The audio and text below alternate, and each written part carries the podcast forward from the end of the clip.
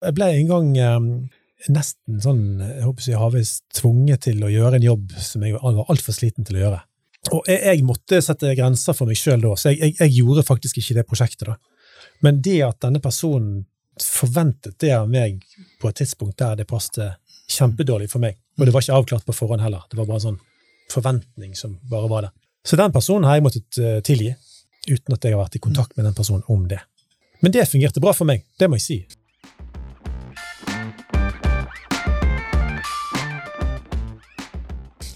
Tanke vi tenker mange ganger, kan jo bli til en handling. En Mm. handling vi gjentar, kan bli til en vane. En vane vi gjentar, blir til en personlighet.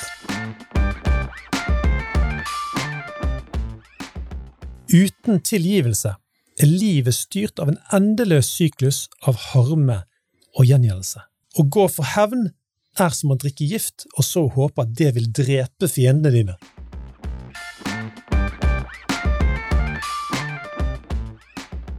Du har to alternativer, der eh, begge ting vil koste deg, eh, men den ene tingen er bedre, Ja, ja. nettopp tilgivelse og forsoning.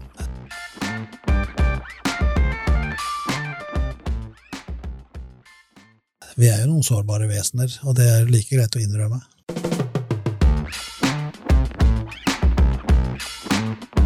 Du hører Mannspodden, jakten på mannsidentitet. Bli med Andreas Skjelde og Einar Helgaas på din vei mot autentisk maskulinitet.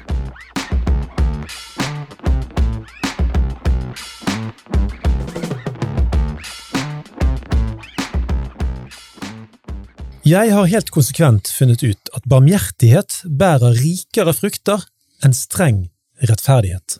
Dette sa Abraham Lincoln. Velkommen til Mannspod... Nei, du. Nei, folkens, kutt ut, da. Hallo. Jeg prøver, jeg prøver å spille inn Jo, en men- seriøs podkast her. Er jo Velkommen til Mannspodden, jakten på mannsidenti... Hallo. Hallo. Andreas, Andreas, det er den 50. episoden. Vi må jo feire. Du må jo følge med. Vi har jo holdt på i over to år. Og nå er det liksom Skal ikke vi få lov til å feire noe som helst? Jo, altså, jeg ser den faktisk. da. Du skal få den, Einar. Ja. skal få den. Men du er glad eh, gutt likevel? Altså, jeg er, jeg er gladlaks, som det heter i mitt yrke. I ditt yrke er det gladlaks. Ja, ja. Men Andreas, har du lært noe som helst disse over to årene? Ja, Jeg har lært altfor mye. Jeg kan ikke summere det opp på et halvt minutt.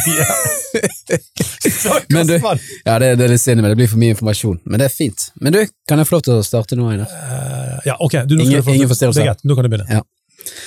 Velkommen til Mannspodden, jakten på mannsidentitet. Du hører som vanlig Andreas Skjelde sammen med mannsguide Einar Helgås. Og dette er den 50. gangen Bra, jeg sier det. Endelig har du uh, fått det med deg. Og uh, det som er veldig fint, nå er det blitt vår, eh, og det er gode tider med fuglesang, blomstring, lange dager og sånne ting. Nå skal jeg fortelle noe som jeg tror kan provosere enkelte, som elsker sommer og vår og sånn. Det at jeg syns alltid våren kommer altfor fort. Oi, altfor fort. Mm. Syns du ikke det virker naturlig? Ja, men altså, jeg, jeg er jo mer forkjemper for at våren bør Du vil at det skal komme tidligere? Jeg skal mye komme tidligere. Jo, men jeg, jeg kan ikke få nok av ski og snø. Så jeg, jeg, jeg er alltid på underskudd der. Når våren kommer, så har jeg aldri stått nok på ski. Og derfor så kommer egentlig våren alltid for tidlig. Men altså, jeg, jeg er litt rar, da, for eh, det er derfor jeg forventer eh, illsinte mailer til Mannsbåten nå. Eh, fordi at jeg har en spesiell forkjærlighet for høst og vinter. Og kanskje særlig høst. Altså, tenk høstfargene oppe i fjellene i Hardanger rundt 20. september, Øystein og eh, Andreas. Ja. Det er helt vanvittig. Eller i Jotunheimen i begynnelsen av september. De høstfargene er helt vanvittige, men du skjønner ikke dette, du, Andreas. Nei, naturelskende einer, altså. Fotball og by. Du burde lære deg at livet leves på kafeer. Livet leves på kafeer. Ja, det er der det skjer. Øystein, er det sant? Eh, ikke mitt liv, det leves veldig lite på kafé, men det er jo koselig av og til. Men du har, har du det bra, egentlig? Ja, jeg syns jeg generelt har det bra. Altså, Det kan være tøffe dager, men jeg har det jo generelt som bra inni meg. Å, ok, ok, greit. Derfor er vi liksom nedstemt med en gang, så det, men jeg, jeg liker kafé, da. Jeg syns livet skjer på kafé. Du møter så mange forskjellige. Damer. Nei, vi går videre. Vi går, går videre. I dag drar vi i gang episode fire om sår, og vi skal snakke om tilgivelse og forsoning. Yes, Veldig veldig viktige ting vi har vært innom nå i tre episoder. eh, Og la oss fullføre med flagget til topps sammen med vår ekspert Øystein Elgen, som snart skal få presentere seg. Men det er jo sånn at vi elsker respons fra våre lyttere, som vi har sagt mange ganger. Og husk, det er litt rart for oss å sitte i et lite studio, og så er det flere tusen som hører på. Så fortsett å sende inn din respons på den nye mailen vår, postmannspodden.no, og så kan det òg hende at den kommer med i en sånn episode. Men jeg syns jo dette er litt gøy i episode nummer 50, å lese opp det, det sterkeste vi har fått av respons eh, noen gang. Eh, dette rørte meg rett og slett eh, til tårer. Jeg fikk renset opp eh, på en måte i tårekanalen min. Rett og slett. For hør hva en ung mann fra en av de store byene våre skriver. Mannspodden har betydd utrolig mye for min utvikling i de viktigste ungdomsårene fra 16 til 18 år. Nå er jeg ikke helt mann enda, da jeg bare er 18 år, men jeg begynner å nærme meg et punkt der jeg vil kalle meg selv for en mann. Da jeg begynte å høre på dere i Mannsboden, var jeg en forvirret 16-åring som ikke hadde noen far å se opp til. Jeg var også på et vis veldig pysete. Selvsikkerheten, den var langt nede. Jeg hadde det utrolig vanskelig, og var ikke sikker på hvordan jeg skulle utvikle meg fra gutt til mann. Utrolig nok så viste mannsboden meg et sterkt og godt mannsideal, der det aller største forbildet var Jesus Kristus. Og alle temaene dere tok opp fikk meg til å tenke og søke etter en genuin mannsidentitet, etter en slik høy, men byggende standard. Uten deres podkast så hadde jeg aldri tatt et slikt oppgjør med mine mer krevende sider, og dette har blitt til det beste for mine nærmeste, det til tross for vanskelig det er å gjøre det. Mannspodden har vært som en far som gir tips til sin sønn om forskjellige utfordringer og situasjoner i livet. Og jeg er nødt til å takke dere for at dere tok opp det vanskelige og kritiske temaet mannsidentitet i en kultur hvor mannen blir sett ned på og vurdert som noe farlig og aggressivt. I dag har jeg så utrolig mye kunnskap fra Mannsboden som jeg bruker ubevisst i min hverdag. Jeg skjønner mye mer av hva en mann er, og hva en mann skal være, og hvordan jeg skal leve, da med Jesus som det høyeste idealet, samt hvordan vi skal behandle kvinner på en respekterende måte. Jeg føler flere menn ikke bare burde høre podkasten deres, men ta handling for å bli bedre menn. Da kan vi en dag lære det videre til våre sønner. Wow. Hva syns dere om eh, en sånn respons? Shit. Nei, altså, for min del så Det er jo der, derfor vi startet denne med mannsbåten, da. Det går jo tilbake igjen til det. Det er jo fordi vi ønsker å lære både unge menn, men òg menn i alle aldre, at uh, det å være en mann er vanskelig, men vi håper ved hjelp av liksom de temaene vi er innom, Mm. og spesielt de temaene vi har vært med Elgen, så det kan hjelpe å bygge et bedre fundament for livet, da. For Mm. livet er urettferdig. Livet Det er røft. det er røft, det slenger deg i alle kanter. Men vi har lyst til å være med på den reisen og gi deg tips og være med og støtte deg, så dette her er jo Ja, det er kun eh, Altså, en sånn tilbakemelding det er det alt jeg trenger for å bare fortsette. Hm. Så utrolig, utrolig takknemlig. Hva tenker du, Øystein, om en sånn Jeg tenker historie? det er godt å være hans barn en gang. Han har noe å, å gi videre, og, og det er klart at vi, vi er nødt til å reflektere over viktige temaer i livet hvis vi virkelig skal, skal komme oss godt gjennom, både for seg sjøl og, og med de vi lever tett på. Mm. Så dette var jo flott å høre. Så herlig. Veldig bra. Du, Vi går videre til spalten vår Dagens tips. Andreas, vil du begynne? Jeg kan begynne, jeg. Eh, dagens tips. Jeg har jo blitt 30, tro det eller ei. Og eh, når du blir 30, så går jo Da begynner ting å legge seg litt lettere. Så, så et tips der, da, det er at hvis du har bil, og du skal parkere, så parkerer du på øverste etasje, og så tar du trappene. Du vil ha litt ekstra trening. Ja.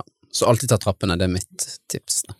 Bygg deg inn i 30-årene med god form i trappene. Nettopp. Så du skal ikke gjøre livet lett, du skal faktisk bevisst gjøre det vanskelig av og til, fordi det former deg og styrker deg. Nettopp. Så det trappetipset, det funker. Nydelig. Og du da, Einar, har du noe dagens Ja, jeg har det, og dette er jo litt gøy, for dette har vi aldri snakket om i disse 50 episodene, og hvorfor måtte vi vente så lenge før vi snakket om klesstil? Du har veldig fin skjorte i dag, Øystein. Jo, takk. takk, Ja, grønn og blå, veldig fin. Men poenget mitt er at jeg, eh, gjennom et år så er jeg i ganske mange selskaper, ulike sånne besøker. Og når jeg er i disse selskapene, så er det én ting jeg, eh, ah, synes det er litt sånn ikke helt fortrolig med. Og det er når det kommer gutter eh, som burde hatt på seg en fin skjorte, og som bare kommer i en sånn eh, hettegenser. Um, når du skal, altså Noen ganger skal du ha dress, Andre ganger skal du ha noe sånn mellomfint, en fin bukse og en skjorte. sant? Og andre ganger er det casual. sant? Du kan komme i shortsen din. Men jeg tenker at eh, når du skal gå fra gutt til mann, så trenger du faktisk å vite hvordan du skal kle deg. Og det handler òg om å ære vertskapet. Sant? At ikke du bare tenker 'Å, jeg vil ha det litt comfy', jeg elsker å gå i shorts'. Ja, men Så fint at du elsker å gå i shorts, men akkurat nå er du i et selskap. Og det er ikke sikkert shorts er det du skal gå i, eller, eller hettegenser og dongeri. Kanskje du skal lære deg å kle deg som en mann. Og Det siste jeg vil si der, Andreas, det er at det sjarmerer damene. En mann som kan kle seg i, i, i forhold til settingen han kommer i, klart å lese det på forhånd. Altså, Send nå en melding og spør, da, hvis du lurer. sånn. Roger, jeg er 16 og usikker. Ja, men greit. Send en melding. Ja, hva er kleskoden? Spør du bare om. Og så får du vite hva det er. Og så gjør du det. Don't be lazy, boys!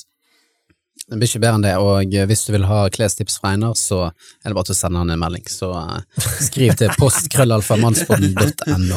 Jeg skal ikke begynne å reklamere for de butikkene jeg bruker. Nei. Men vi går over på Bergensspalten, eh, og eh, Øystein Ergen har bodd der 35 år. Det skulle en faktisk ikke tro når jeg snakker med han om bergensbegrep. Beklager, du fikk ikke den. Du er veldig god på psykiatri og sånt. da. Eh, Det skal sies. Men hva er et bekkalokk? Det Bekkalokk, det er jo Ja, hva heter det ellers? Det heter eh, altså, eh, Eller på K? altså, Ko... Kumlokk. ja, altså kumlokk, det er det som ligger Altså, i bakken. kumlokk, ja. ja, ja.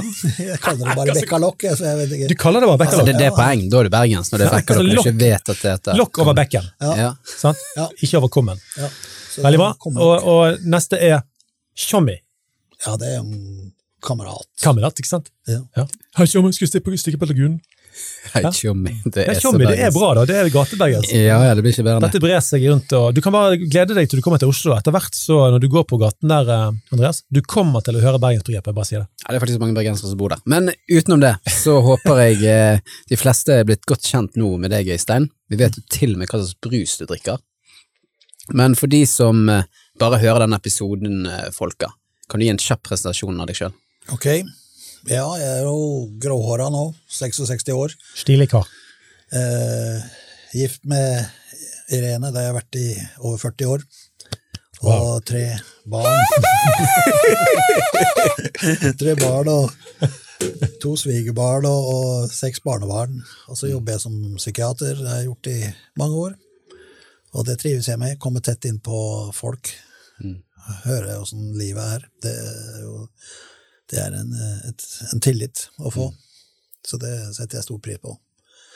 Så er jeg opptatt av, av par og familier, så jeg har vært med å utvikle Vi-appen, som er en, en lavterskel, eh, enkel app for par eller for foreldre, eller begge deler, som, eh, som ligger eh, ute og som kan lastes ned. Men Kan ikke du bare fortelle litt mer om appen, for der går du gjennom noen konkrete ting. Ja, altså det er jo en, en stor gratisversjon som hvem som helst kan, kan eh, bruke, og det skal være en enkel, og det er masse korte filmer og masse temaer. Så kan man, hvis man vil, kjøpe Viappen pluss, som er en sånn abonnementstjeneste per måned. Og det ligger ute eh, mange temaer om mye forskjellig, alt fra økonomi og åssen vi planlegger ferien, og, og om eh, kjærlighetsspråkene og Barneoppdragelse. ja, mye forskjellig om barneoppdragelse. Dyktige psykologer rundt omkring i Norge, og familieterapeuter, og, som spiller inn hver sine filmer og det vi kaller dypdykk. Mm. Så, så det, er, eh, det har vært veldig morsomt og syns jeg sjøl viktig å, å være med å bidra i. Dette bør gå viralt. Ja, dette bør gå viralt. Enig. Altså, Skilsmisseprosenten er på rundt 40 mm. Så det er klart at eh, alt som kan eh, inspirere folk til å finne ut av eh, hverdagen sammen som familie og som par. Og er dette her er en veldig profesjonell og god ressurs, så folkens, ta og sjekk ut dette. Vi-appen. Vi-appen. Yes, da er det fem fra hofta med musikk fra Einar. Det er alltid fint. Er det noe som er viktig for deg, Øystein, eh, som du tenker handler om at du er en mann? I hvert fall å ta ansvar. Ta ansvar. Både for eget liv og, og medansvar for, eh, for de rundt meg. Og hvis du får en hel kveld alene, hva gjør du da? Ja, dessverre så sitter jeg nok ofte og jobber, men, eh, men eh, Er du arbeidsnarkoman? Nei, jeg vet ikke narkoman, men det er jo det er mye å, å pusle med, for å si det sånn. Men eh, TV-en tar ikke deg, liksom? Nei, altså, nyhetene syns jeg er fint å få med, men, men that's it. Mm. Uh, okay. Så det er ikke så mye ellers. Men um, ellers er det jo fint å, å ha en prat med, med, med kona. Vi er begge travle, men uh, vi passer på å få, å få noen gode, god tid sammen, så det er jo flott. Hvis man Og- kom til den alderen der man hver dag så har man en liten sjokoladebit, kanskje sånn wienerbrød og en kopp kaffe, og det må skje hver dag. Er dere ikke kommet dit? Eller det er Nei. når du er 70 det blir sånn? Nei, det vet jeg ikke om jeg kommer til å ta når jeg er 70 heller. Nei, nei, nei, ok. Men ellers så er det jo det å være sammen med barnebarna, eller, Mm. eller barna. Det er jo selvfølgelig stort, altså. Ja, og hva er det kjekkeste du liker å gjøre med barnebarna dine? Ja, det er jo ja, snakke sammen, eller leke sammen, eller det er litt forskjellig alder, alt fra ett år til oppover. Mm. Så det er jo kjempe, kjempeartig, altså. Eller være ute. Og med ungene dine, da? Hva er det kjekkeste å gjøre med dem? Ja, vi har jo uh, hatt mye tid sammen. Vi har uh, Vi reiser uh, Drar på ferie sammen av og til, og, og vi har nå veldig gode samtaler hvor vi deler om åssen det er å være oss sjøl Ja. og, og livet. Så det er jo veldig artig. Og, Fantastisk. så eh, det er oppmuntrende, det syns jeg. Og med din kjære kone, da? Du, du har jo nevnt at dere snakker sammen, men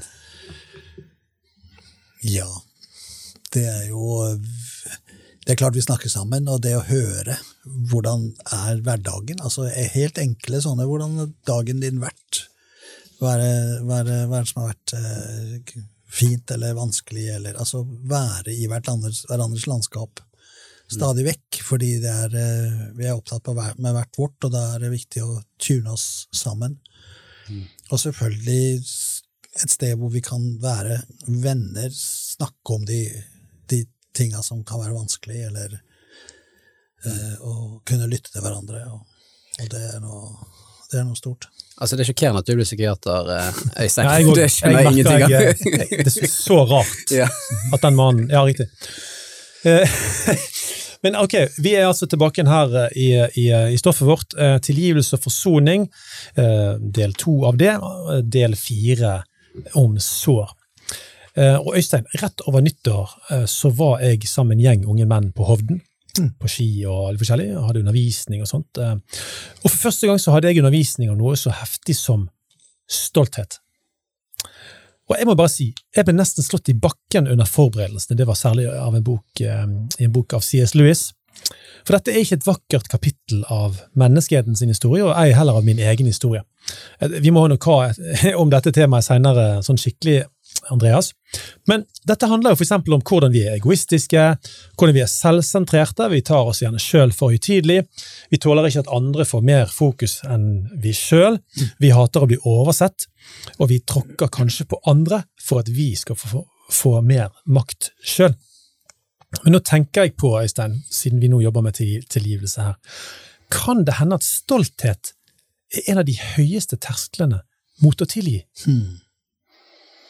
Ja, du har jo sagt noe om hva stolthet er. Det er å opphøye seg sjøl eller sette seg sjøl kanskje over andre, eller jeg er Ja. viktigst. Mm. Og, og um, hvis man uh, tenker at Gå gjennom livet at, og tenker at jeg må få min rett, jeg, jeg vil ikke bli såra uten å ta igjen, så er det klart at da vil stoltheten øke det. Den anklagen mot andre, den, den, eh, den eh, At andre har feil. Altså, vi trenger å være litt sånn ydmyke, vi trenger å, å, å møte andre med at ja, men de har faktisk noe godt å komme med, de også. Det er ikke bare meg det handler om. Og vi har noe viktig å lære av andre, og øh, Og noen ganger så gjør vi ting som er feil. Og den stolte har jo da vanskelig for å innrømme det, og det Ja. blir jo fattig. Det, Og det går jo utover en sjøl til slutt, ikke sant? Fordi Ja. det går nå utover de relasjonene man forhåpentligvis har. Uh, og det Det Ja, det blir en eh, litt sånn manglende balanse, kanskje, i, i, både i relasjoner og i, i forholdet med, med seg sjøl og sine egne tanker, da. Men sånn, i forhold til stolthet og dette ønsket om å være den regjerende part, holdt jeg på å si, du skal være stor, det å tilgi er jo altså, Du må på en måte bøye deg litt òg. Du, du må sette Ja. en strek. Du må si det at 'jeg har ikke tenkt å vinne min rett her'. Mens den som er stolt, den vil jo relativt konsekvent vinne sin rett. Så det, det, er jo et eller annet her som må være veldig vanskelig. Altså, Får du ikke bukt med stoltheten din, hvordan kan du klare å tilgi? Det, går det an å si det? Nei, det blir iallfall vanskeligere. vanskeligere Altså, ja. Det er klart at uh, i hvert fall hvis man, uh, hvis man skal innrømme og be om tilgivelse sjøl, for da må man jo på en måte innrømme at ja, men jeg er ikke perfekt, jeg. Jeg har sagt eller gjort noe dumt, og det ønsker jeg å gjøre opp, det ønsker jeg å bli ferdig med.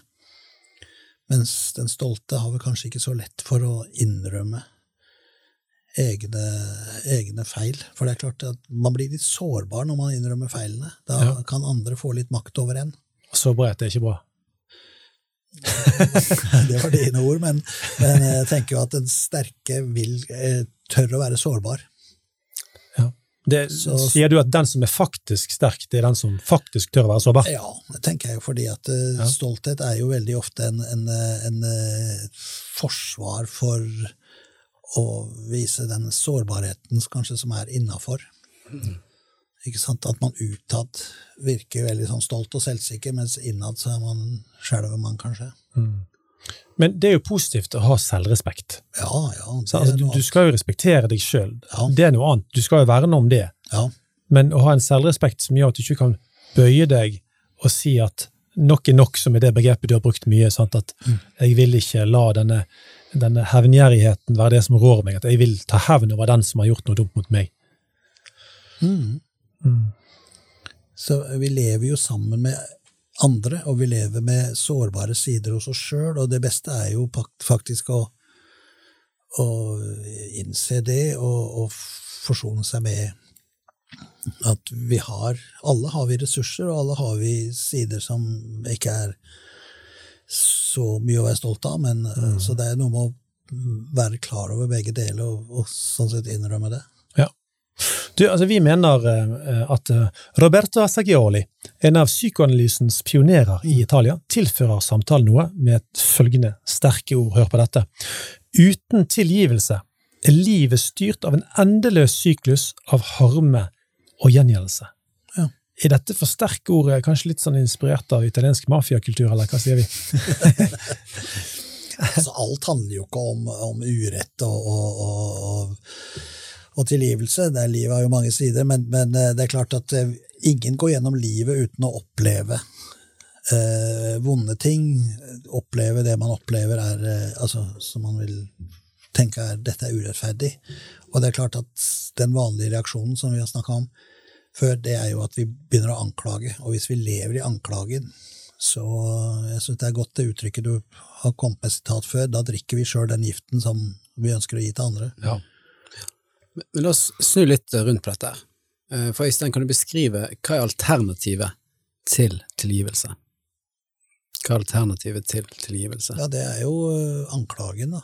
Altså å leve i at jeg skal på en eller annen måte få min rett, jeg skal på en eller annen måte ta igjen, og den andre skal på en måte ned på knærne og innrømme sin, sin, sin feil. Problemet er jo at den andre ofte er ikke til stede, eller borte, eller er ikke interessert eh, og skjønner ikke hva det handler om.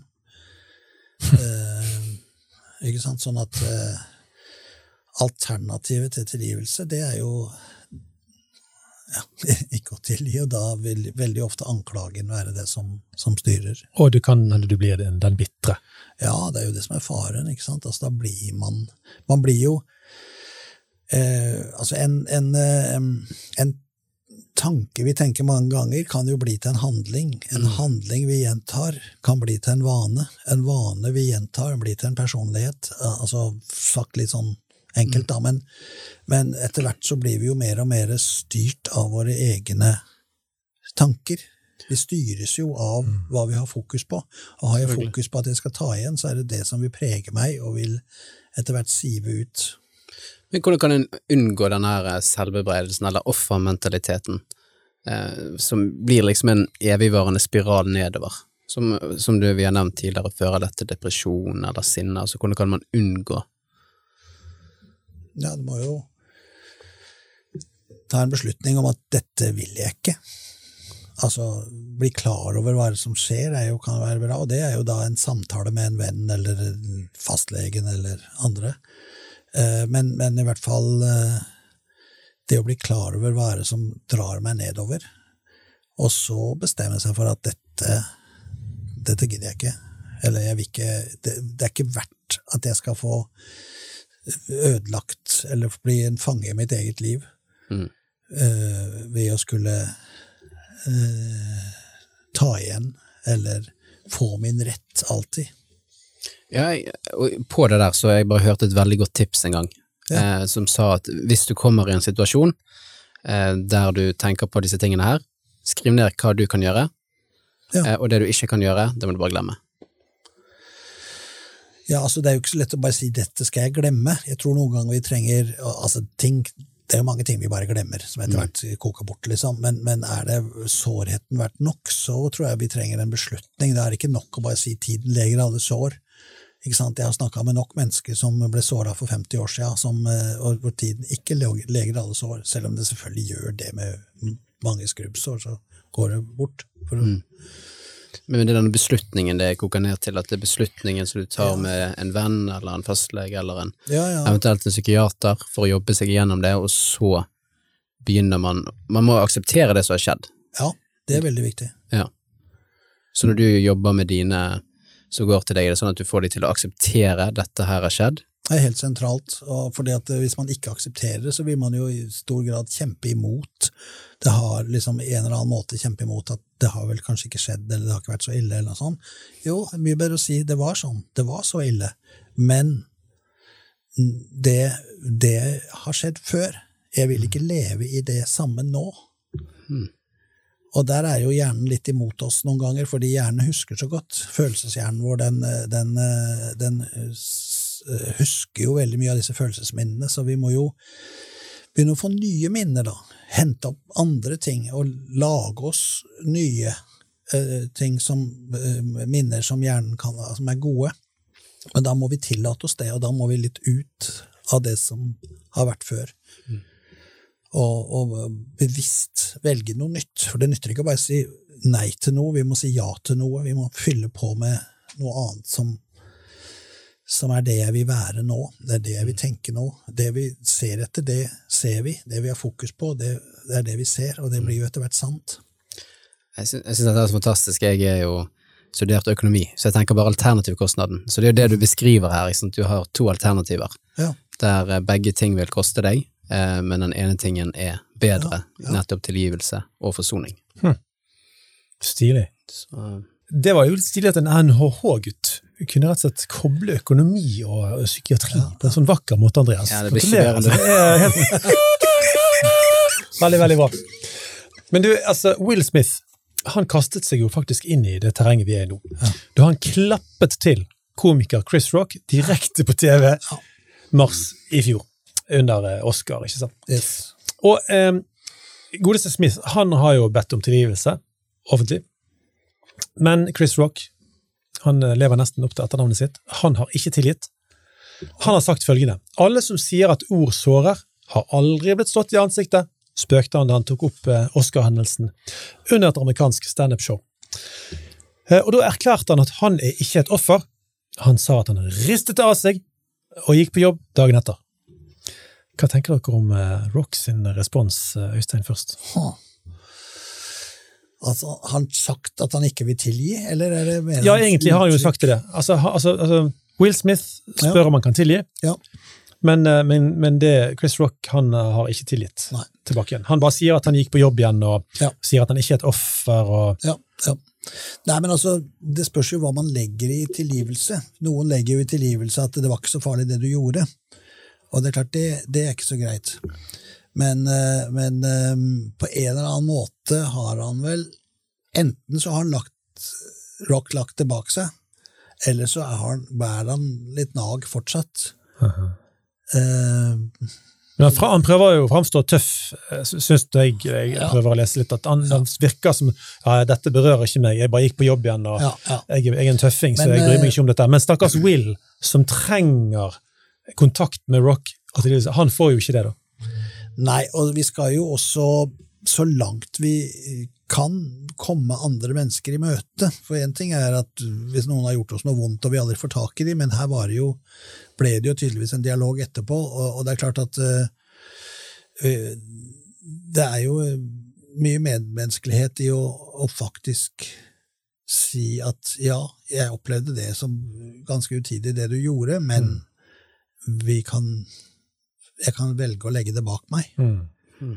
Og jeg vil ikke bruke det mot deg mer. Det er jo det tilgivelsen er. Ja. Uh, Vi får, men, sende en, eh, vi får sende en mail til Chris Rock, skal vi det? Uh, Etter episoden nå, bare si noe om hva vi har lært i disse episodene. Ja, fra post alfagrønnmannsbånd. Ja, selvfølgelig, selvfølgelig til, til Chris Rock. Vi anbefaler deg, Chris Rock, kommer, og så forteller vi han hva vi anbefaler han sånn at Will Smith kan bli satt fri her litt. Sant? Men, men i din, eh, Øystein, altså for det, jeg møter jo òg en del mennesker som sier sånn nei, jeg trenger ikke tilgivelse for det. Men ofte har jeg opplevd at det er ofte de Ja. som trenger tilgivelse mest. De som er liksom veldig harde og liksom bare nei, nei, nei. Jeg er- går jeg er så på tøff, liksom. Ja, jeg er så tøff. Det er jo stoltheten og den tøffe ytre ramme som veldig ofte bare er det ytre. Mm. Ikke sant? Og vi er, jo, vi er jo noen sårbare vesener, og det er like greit å innrømme.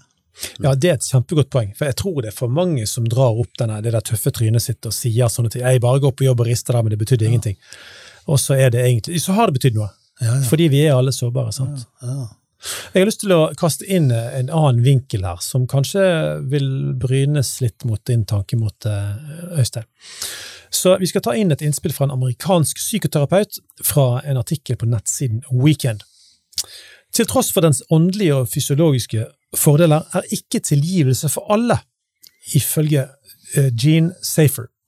Hun har forfattet eh, 2000s Forgiving and Not Forgiving, Why Sometimes It's Better Not to Forgive. I et intervju fortalte den amerikanske psykoterapeuten hvordan den største utfordringen for de som er villige til å tilgi, består av noen av de urealistiske målene som tilskrives handlingen. Vi skal ha denne store åpenbaringen, og vi gråter og omfavner, sa hun. Men jeg tror det er et stort spekter av katartiske opplevelser, det er en slags form sånn rensende avreagering.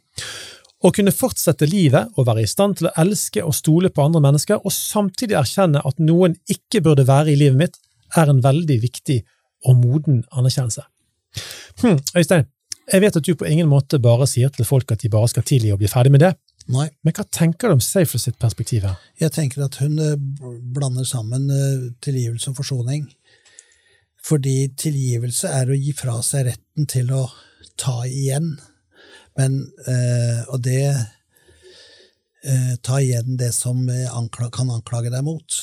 Men det betyr jo ikke at man skal ta dem inn i livet sitt, som hun skriver der. Nettopp, ja. Og det er jo forsoningen.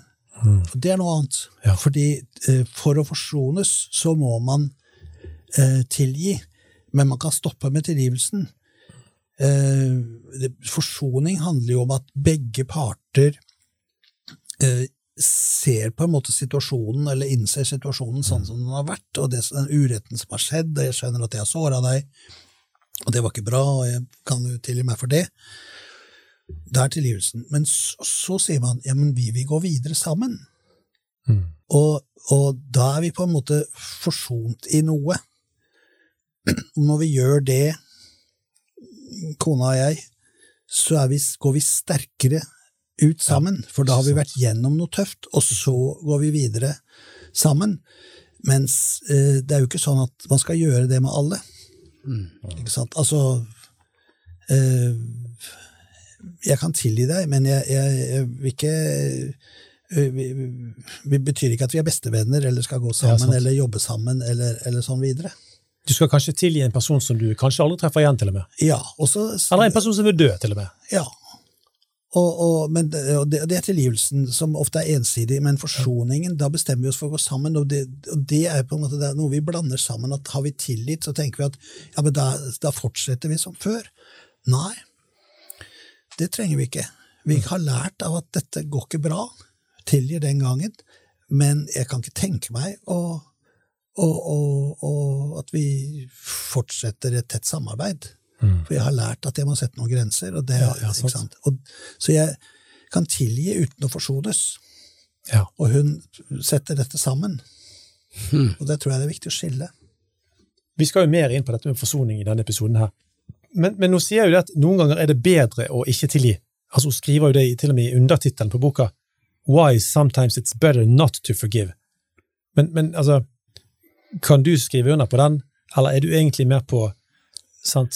Altså Hvis man setter likhets... Hvis hun egentlig mener forsoning, Ja. så er jeg helt enig. Ja, nettopp. Vi skal ikke nødvendigvis forsones i den, for, i den meningen at vi skal gå videre sammen som om ingenting vondt har skjedd. Jo, Ja. det vonde har skjedd, det. Ja. Og det har, har jo Det har fortsatt konsekvenser. Det betyr ikke at vi, vi, vi At jeg vil gå inn i jobb samme sted, liksom, Ja. hvor jeg blir såra. Eh, Jeg kan sette noen grenser. Mm. Men jeg kan, jeg kan uh, si at jeg vil ikke lenger at det vonde som skjedde der, skal, skal prege meg nå. Så jeg tror vi må skille Ja. mellom tilgivelse og forsoning. Så, så, så tilgivelse tenker jeg er smart for ens egen del, fordi man selv skal bli fri. Ja. For jeg er ikke så sikker på om han eh, Rock som ble slått ned, at han, eh, eller slått ned og slått ned, han ble nok klapsa til, at han egentlig er Det er ikke sikkert han er så tøff innvendig Som han er utvendig. som han er utvendig. Og det er ikke sikkert at han øh, vil si at ja, men, neste program skal vi stå og være partnere, liksom. Ja. Da kan det dukke fram noen følelser. Så da dykker det fram noe, og han er ikke forsont med den. Ja. Og det tenker jeg det er helt greit. Men, øh, men øh, Så tilgivelse tror jeg er veldig smart, men, men ikke nødvendigvis det betyr at vi skal gå videre som om ingenting har skjedd. Ja. For det blir jo litt sånn løgn, nesten. For det, det som har skjedd, har skjedd. Men uh, apropos uh, godeste Will Smith, han har et, eh, et stilig sitat. Vi gir han uh, en sjanse her på det. Gjennom hele livet vil folk gjøre deg sint, se ned på deg og behandle deg dårlig. La Gud ta seg av de tingene de gjør, for hat i ditt hjerte vil fortære deg òg. Ja. Altså, hardtslående Mr. Smith. Hva tilfører han samtalen med å si Ja, det? det er, jo, det er jo egentlig det vi snakker om, er det ikke det? Men jeg tror, la, la oss eh, gå litt videre og se på koblingen mellom styrke og tilgivelse. For intrositatet fra Gandhi lyder jo slik. De svake kan aldri tilgi. Tilgivelse er en egenskap som tilhører de sterke. Øystein, dette er tøffe greier, altså. Ja, det er det. Eh, og lytterne våre har jo sikkert tatt på seg sikkerhetsbeltet for lenge siden. Det har iallfall jeg gjort. Eh, hva skal vi si til folk at de er pingler om de ikke tilgir, mens de som tilgir, er strongmen? Ja, altså, da definerer vi jo litt om hva som er vanligvis styrke og, og svakhet. Sterke og svak. Men, eh, men eh, det blir jo å sette en merkelapp på, på folk da, som, eh, som jeg ikke Så fan av. Nei, altså Nå kanter vi jo dette Ja, vi her litt i. Mannspodden, sant? Ja, ja. for å provosere fram gullet fra Ja, herr Elgen. Ja. Ja, ja, nei, men det, altså, men, Pingler trenger ikke vi gå rundt og si til folk, vi trenger heller ikke si at de er strongmen, men, men, men, men spørsmålet er jo å finne tak i hva er faktisk svakhet, og hva er faktisk styrke. Ja. Og faktisk styrke i vår samtale her og nå, og med disse nydelige sitatene vi driver og turnerer oss med her nå, det er jo faktisk at styrke det er å tilgi og kunne bøye seg for å bli satt fri. Ja. Mens svakhet blir faktisk det å bure seg inne i stolthet eller hevngjerrighet, Ja. og la være å tilgi. ja, du sier det jo fint. Ja. Da går vi videre. Går vi bare videre. Har vi flere spørsmål, Andreas? Mange spørsmål vi har mange spørsmål. Men eh, Einar, siden du var så Nå er du i flyten. Har du tillit til jeg noen? Og Om jeg har tilgitt noen? Ja. Oi sann. Um, ja, altså, jeg um, kan nevne et par ting, faktisk. En ting som er litt mer sånn uh, jobb, og en ting som ikke er jobb. Uh, jeg, var, jeg ble en gang um, nesten sånn, jeg håper jeg har tvunget til å gjøre en jobb som jeg var altfor sliten til å gjøre. Altså, det var på et, jeg var på et sted i livet og på et sted i året der jeg, jeg trengte, trengte hvile. Og så ble det forventet at jeg skulle gjøre en, en ganske stor jobb, da. Stort prosjekt. Og jeg, jeg, måtte sette grenser for meg sjøl da, så jeg, jeg, jeg, gjorde faktisk ikke det prosjektet. da. Men det at denne personen på en måte forventet det av meg på et tidspunkt der det passet kjempedårlig for meg, og det var ikke avklart på forhånd heller, det var bare en sånn forventning som bare var der. Så den personen har jeg måttet uh, tilgi, mm. uten å kontakte. Uten at jeg har vært i kontakt med den personen om det. Mm. Men det fungerte bra for meg, det må jeg si. Uh, det, det har, uh, da slapp det taket, da. Og så er jo arbeidslivet et utrolig intenst sted. Det er så utrolig mange episoder av kommunikasjon og samarbeid som foregår på arbeidsplassen, så det er jo ikke rart at det oppstår situasjoner som er litt krevende der. Så jeg eh, opplevde eh, en gang en del ugreie ting på jobb, eh, og da var det to personer jeg i etterkant har måttet tilgi. Men òg da uten å snakke med dem. Jeg har altså ikke gått inn i en sånn forsoningssamtale og liksom kan meg og deg nå snakke sammen og det du gjorde, gjorde det og det med meg, og sånn. Det har jeg rett og slett ikke gjort uh, der, altså. Um, og, men jeg har opplevd at um, jeg òg har måttet komme tilbake til det, og så fastholde tilgivelsen. For Du kan òg bli, bli, fristet til å gå inn oh, ja. i jeg vet ikke hva det kalles, men altså, du går sånn tilbake igjen i hevngjerrigheten, eller, eller, tilbake inn i offerrollen, og ja, de gjorde det mot meg. Da har jeg måttet nesten sånn restate, altså bare igjen si at jeg har, jeg har, tilgitt. Jeg er ferdig med det. Nok er nok, som du, du pleier å si, eh, Øystein. Og det syns jeg har vært uh, positivt for meg. altså. Og jeg tenker litt sånn videre, så kan vi Takk for det du deler, Einar, først og fremst. Mm. Eh, videre er det kanskje relevant å fokusere på forholdet mellom kjærlighet og tilgivelse. Og da har vi et sitat. Eh, Mannsbåten har plutselig blitt sitatbåden. Det er riktig, det. Fra ingen ringere enn eh, mor Teresa. Hvis vi virkelig ønsker å elske, må vi lære å tilgi. Hmm. Øystein, prøver mor Teresa virkelig å si at vi ikke forstår oss helt på kjærlighet hvis vi ikke praktiserer tilgivelse? Ja, det kan godt være at det er det hun som ligger bak. Eh, tilgivelse er jo en naturlig konsekvens av, eh, av kjærlighet. Eh, og en del, del, av det. For kjærlighet er jo å gi uh, Gi til andre. Og andre, andre mennesker trenger jo uh, at, vi, at vi på en måte ikke anklager. Mm. Og vi trenger det sjøl. Kjærligheten til oss sjøl sier noe viktig om at da må jeg faktisk tilgi meg, meg selv. Og det Så det går jo både til andre og til oss sjøl. Men i denne kjærligheten, vi har hatt litt sånn andre episoder om sånn romantisk kjærlighet, og jeg har alltid kommet tilbake til at kjærlighet er en disiplin. Og, ja, hva legger du i det? Kjærlighet, kjærlighet er disiplin. Altså, kjærlighet er disiplin. Ja, dis, ja. Ikke én disiplin, Nei, det er disiplin. Det er disiplin, ja. ja. ja altså, Takk, Einar. Vi har jo i hvert fall tre uttrykk for kjærlighet. Det ene heter eh, agape. Det er jo 'jeg vil'. De som eh, gifter seg i kjerka, får jo et spørsmål fra presten 'Vil du elske og ære den som står ved siden av deg i gode onde dager?'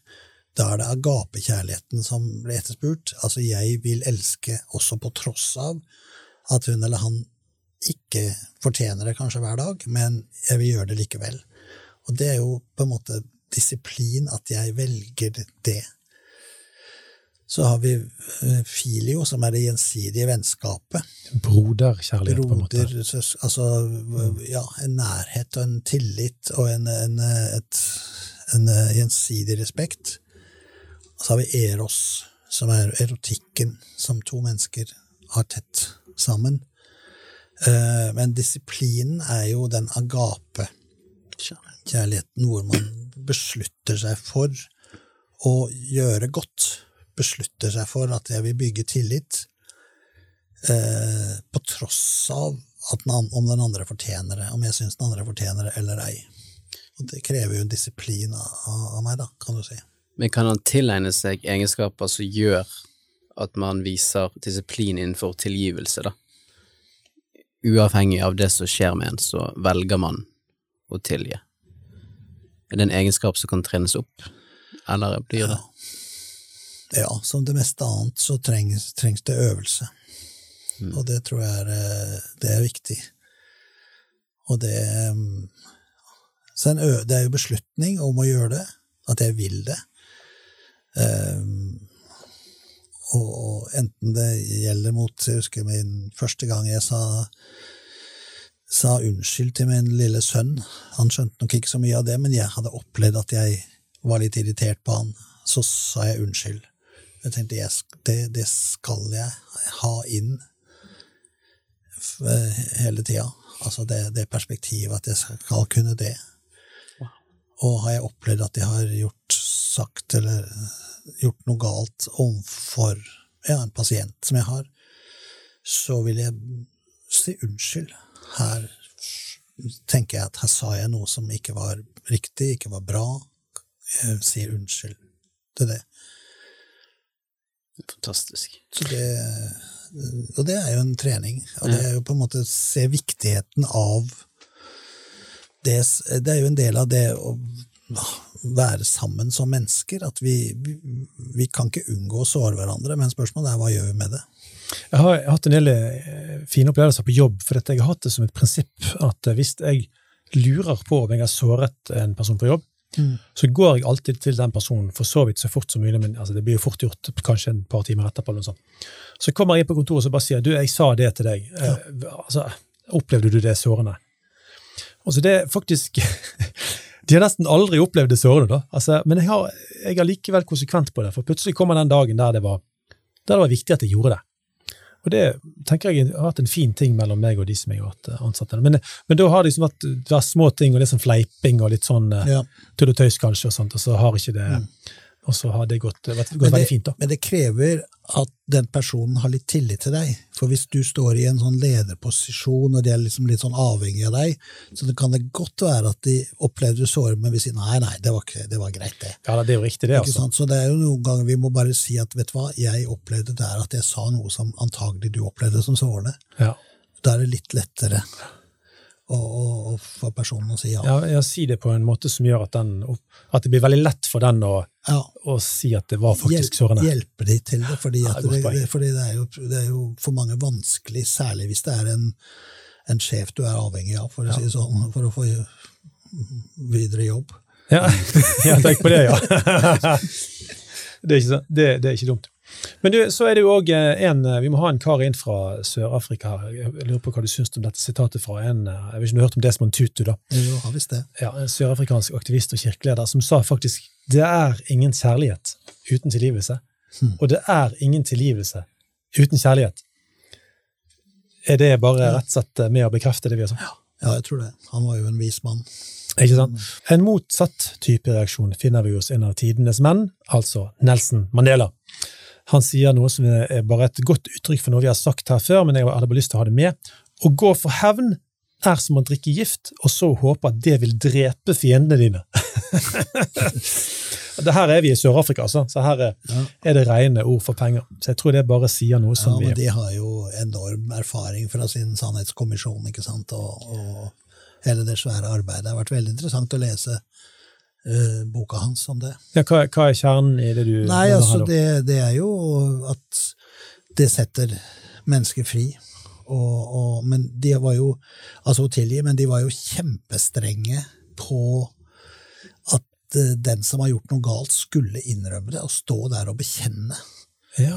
Og det er jo en del av, av, av, tilgivelsesprosessen. Det er at den som har gjort noe galt, eh, bekjenner, selv om det ofte ofte ikke er sånn i praksis, men det var jo det de var veldig strenge på, at skulle du i, i de prosessene som foregikk der.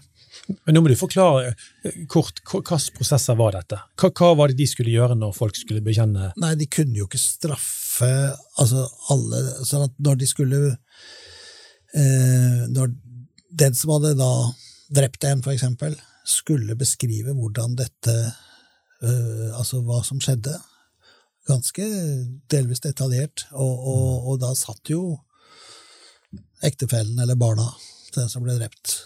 Ikke sant? Og de skulle høre det. Og det, man, det er jo ydmykende å skulle fortelle at jeg har såra eller drept en annen. Mm. Uh, og alle visste jo da Eller settingen var jo at dette er feil. Men hvis du beskriver det og, og ber om tilgivelse, så, så, så er det stor sjanse for at du får det. Oi. Og så ble det ikke straffeforfulgt. Så dette var ikke en domstol altså, Hva var Sannhetskommisjonen? Sannhets- og tilgivelseskommisjonen. Hva- hva- hva- Nei, det var jo Er det unikt i verdenssammenheng, dette? Ja, det er vel jo også gjort andre steder, men, men det, det største arbeidet er jo gjort i, i Sør-Afrika etter eh, alle apartheid-utfordringene som kom, ikke sant, og alle, all volden. At da skulle de opp, opp og stå og forklare hva de hadde gjort galt. Og da er det jo en unik eh, Det var jo mange unike møter mellom mennesker som da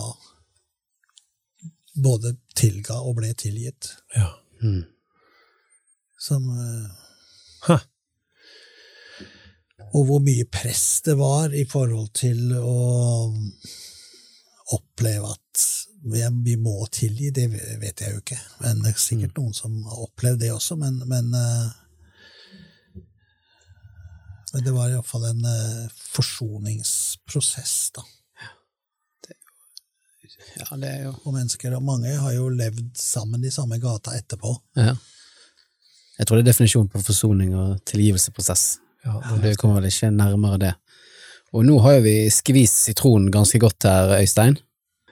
Ja, og så helt til slutt må vi snakke om forsoning.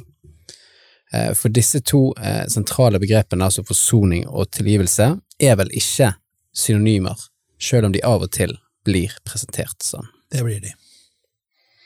Nei, jeg tenker jo at det er viktig å skille, jeg har vært inne på det. Eh, at forsoning er å Da er det to parter som har en, en rimelig felles forståelse. Eller i hvert fall en forståelse av at ja, jeg har såret deg, og ja, jeg har blitt såret. Om ikke man er helt enig i hva som har skjedd og sånn, er kanskje ikke det viktigste, men i hvert fall en, en aksept av at ja, jeg, jeg er den sårede, eller jeg er den som har såret. Eh, og at man har en aksept for at den andre får noen reaksjoner, noen vanskelige følelser, noen sinne, frustrasjon, lei seg. Eh, og så at man da sier ja, men vi vil gå sammen. Sånn. Vi vil gå videre sammen. Mm. Og um, Så det handler på en måte at den ene har tilgitt, og den andre har bedt om unnskyldning. Eh, og så er det viktig å si der at de to personene, sånn på et vis kan man si, det er, begge er meg. Den ene er den som har gjort meg galt, og den andre er den som har opplevd det gale. Ikke sant? Fordi ofte så er jo det vanskelig, den vanskeligste å tilgi seg sjøl, og det å forsone seg med det vanskelige som jeg jeg har gjort, de dumme valga jeg har tatt, og si at ja, sånn var det, jeg må forsone meg med det, jeg må tilgi meg selv, for det nytter ikke å gå rundt og anklage meg sjøl hele tida. Eller det vil si, det er jo det som øh, mange gjør, da.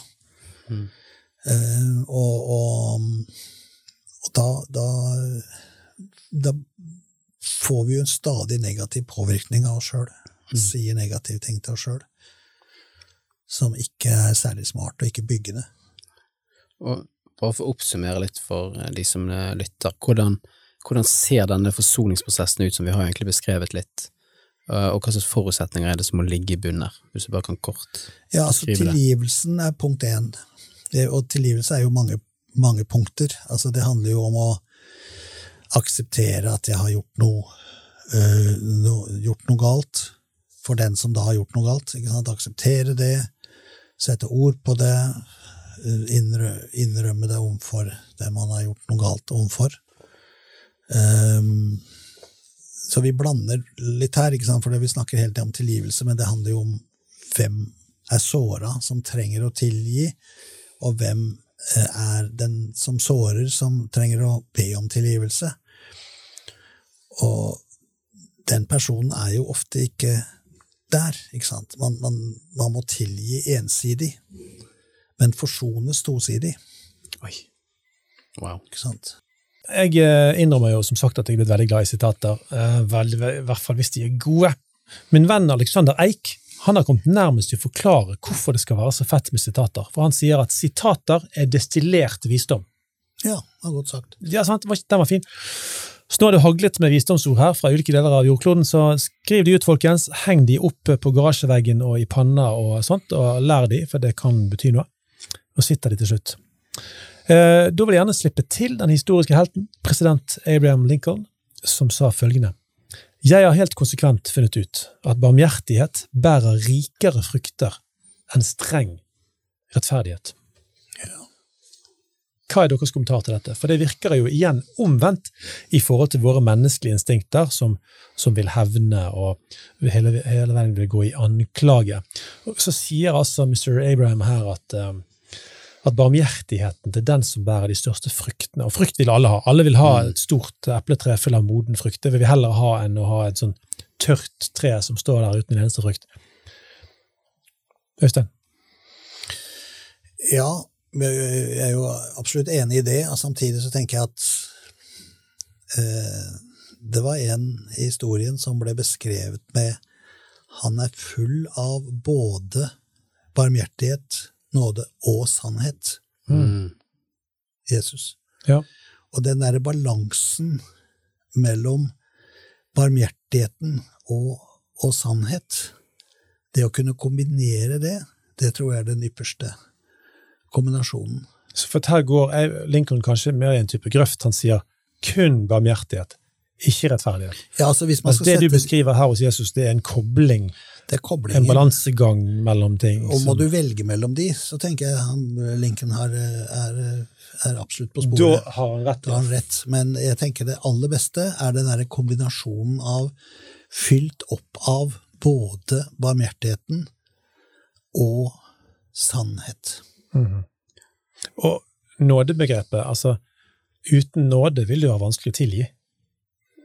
Ja, det er jo Eller? noe av det samme. Altså den, det er jo en holdning av at jeg ønsker å vise godhet, jeg ønsker å vise barmhjertighet, ja, men da må jeg også Eller da er det en naturlig konsekvens av det at jeg vil tilgi.